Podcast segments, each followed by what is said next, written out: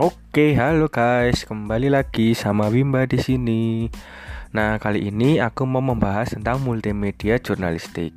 Apa sih itu? Nah, multimedia jurnalistik itu merupakan kombinasi antara elemen audio, gambar, atau foto, teks, dan interaktivitas dalam bidang jurnalisme online yang terdiri dari situs berita atau penyedia berita online. Nah, buat kalian yang belum tahu tentang multimedia, multi multimedia itu adalah gabungan dari beberapa unsur media, yaitu teks, grafik, suara, video, dan animasi yang menghasilkan presentasi yang menakjubkan. Multimedia juga mempunyai komunikasi interaktif yang tinggi. Bagi pengguna komputer, multimedia dapat diartikan sebagai informasi komputer yang dapat disajikan melalui audio atau video. Di sini dapat digambarkan bahwa multimedia adalah suatu kombinasi data atau media untuk menyampaikan suatu informasi sehingga informasi itu tersaji dengan lebih menarik. Nah, dari sini kan kita bisa ketahui bahwa uh, jurnalistik saat saat ini sudah sangat berkembang daripada yang dulu. Kalau yang dulu itu kan uh, masih hitam putih biasa melalui koran. Nah, saat ini sudah merambah dunia online, akses mudah, Terus kita bisa mengakses kapan saja, di mana saja, lewat apa saja, dan kontennya sangat beragam. Kalau dulu mungkin ketika kita baca berita kita cuma bisa tahu gambar dan tulisannya saja. Kita nggak tahu bagaimana kejadiannya atau gambarannya. Nah, dengan multimedia jurnalistik, ini kita bisa tahu dari videonya, tahu dari rekaman suara dan gambar berwarna yang lebih jelas. Jadi kita sebagai audiens nggak bingung apa yang berita dituliskan itu seperti apa kita nggak bingung karena kita udah tahu kita ada punya gambarannya. Nah, audiens memiliki banyak pilihan dalam dunia online, baik dalam maupun luar negeri. Semuanya tersedia dalam satu platform. Portal berita luar itu contohnya ada abc.net yang memiliki media teks, foto, dan podcast dalam satu portal media sehingga audiens dapat menikmati berita sesuai keinginannya.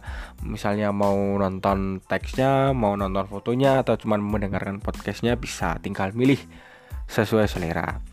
Terus kalau misalnya pengen cari yang ada videonya bisa ke bbc.com. Nah, di situ menyediakan layanan video untuk kita tonton. Nah, hal ini menjadi bukti bahwa jurnalisme online sudah berkembang dengan pesatnya mengikuti perkembangan teknologi. Karena semakin berkembang teknologi, semakin banyak teknologi yang maju, semakin mempermudah hidup kita dalam menyebarkan dan mendapatkan informasi ke seluruh dunia. Nah, kalau di Indonesia ini sendiri bagaimana? Di Indonesia sendiri itu juga sudah banyak sekali terdapat portal berita online. Nah, contohnya itu yang dapat kita akses uh, contohnya kita ambil portal berita otomotif di Indonesia. Itu ada autodriver.com nah di autodriver.com ini uh, memuat tentang beragam informasi tentang dunia otomotif roda 4 baik itu berita tentang mobil baru tentang review mobil baru tentang uh, tips and trick terus ada informasi spy shoot mobil baru pokoknya macam-macam oh iya juga ada juga crash test. Crash test itu semacam pengujian keamanan mobil yang dilakukan oleh NCAP nanti kita nanti hasilnya adalah berupa bintang. Bintang maksimal ada di 5 itu berarti keamanan mobil tersebut sangat baik. Nah di situ diulas tuh satu-satu di autodriver.com nah di autodriver.com ini memuat berita serta roda 4 khususnya yang menyuguhkan video sebagai andalannya. Video ini dipilih karena dianggap lebih mudah dalam menjelaskan suatu objek Nah, misalnya gini, ada seorang reviewer nih mau nge-review mobil baru. Nah, dia akan lebih mudah menyampaikan pesannya ke audiensnya jika melalui video karena dia bisa menjelaskan detail satu persatu. Misal dia jelasin, "Oh, ini ada fitur kayak gini, terus ini uh, modelnya berganti dari tahun ini ke ini, perubahannya ini." Terus dia bisa menjelaskan uh, detail-detail yang lain. Nah, itu kan lebih gampang kalau dijelasin lihat video daripada teks atau majalah ya kalau di majalah kan ada foto cuman kan kita tetap kurang gimana ya kurang mantep aja nonton ya kalau cuman foto. Kalau video kan bisa kita tahu kayak video in depth tour gitu kan kita bisa tahu oh ternyata dalamnya seperti ini. Nah uh, video dan audio memberikan kemudahan bagi kita yang malas membaca atau ingin juga mendengarkan uh, sebuah berita namun kita sedang melakukan aktivitas yang lain.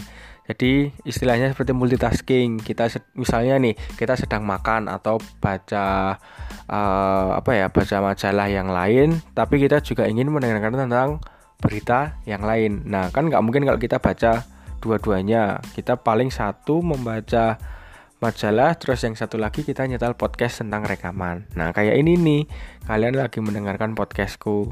Kalian bisa menyetel podcast ini misalnya kalian lagi uh, di jalan atau kalian lagi olahraga lagi duduk santai kalian lagi makan kan kalian males kan misalnya kalau mau baca. Nah tinggal aja dengerin ini. Gitu. Jadi multitasking tidak terhambat oleh apa pun dengan kemudahan teknologi ini gitu teman-teman jadi buat kalian yang malas membaca nggak ada alasan lain kalau nggak dapat informasi karena tanpa membaca pun kalian juga bisa mendengarkan podcast untuk mendapatkan sebuah informasi. Nah, cuman kemudahan yang ada itu tentu saja tidak lepas dengan nam dengan namanya kelemahan. Nah, kelemahan dalam sistem online saat ini adalah dengan mudahnya penyebaran hoax. Oh, kalian sudah tahu kan hoax itu apa? Hoax itu adalah sebuah berita bohong yang tidak sesuai dengan faktanya. Biasanya ini terjadi karena uh, antar media itu saling cepat-cepatan untuk memuat berita sehingga mereka tidak mem uh, apa ya tidak memperhatikan sumbernya apakah valid atau tidak. Namun itu semua bisa diantisipasi sih sebenarnya kalau kita benar-benar uh, tahu kita mau cari tahu tentang kebenarannya itu sebenarnya bisa. Jadilah netizen yang cerdas teman-teman semua. Hehehe. Oke terus? Oh iya satu lagi. Berita online ini kan udah merambah ke seluruh dunia. Hal ini tuh bisa dibuktikan dari banyaknya portal multimedia yang bisa kita akses. Tadi misalnya ada BBC ada ABC ABC terus kalau di dalam negeri ada Kompas ada Auto Driver itu di Indonesia sendiri menurut uh, Kominfo juga sudah memiliki portal berita yang terverifikasi. Jadi kalian nggak usah takut tentang berita hoax. Semua itu sudah diantisipasi oleh uh, pemerintah dan kita sebagai netizen juga harus cerdas. Oke, sekian. Terima kasih semuanya.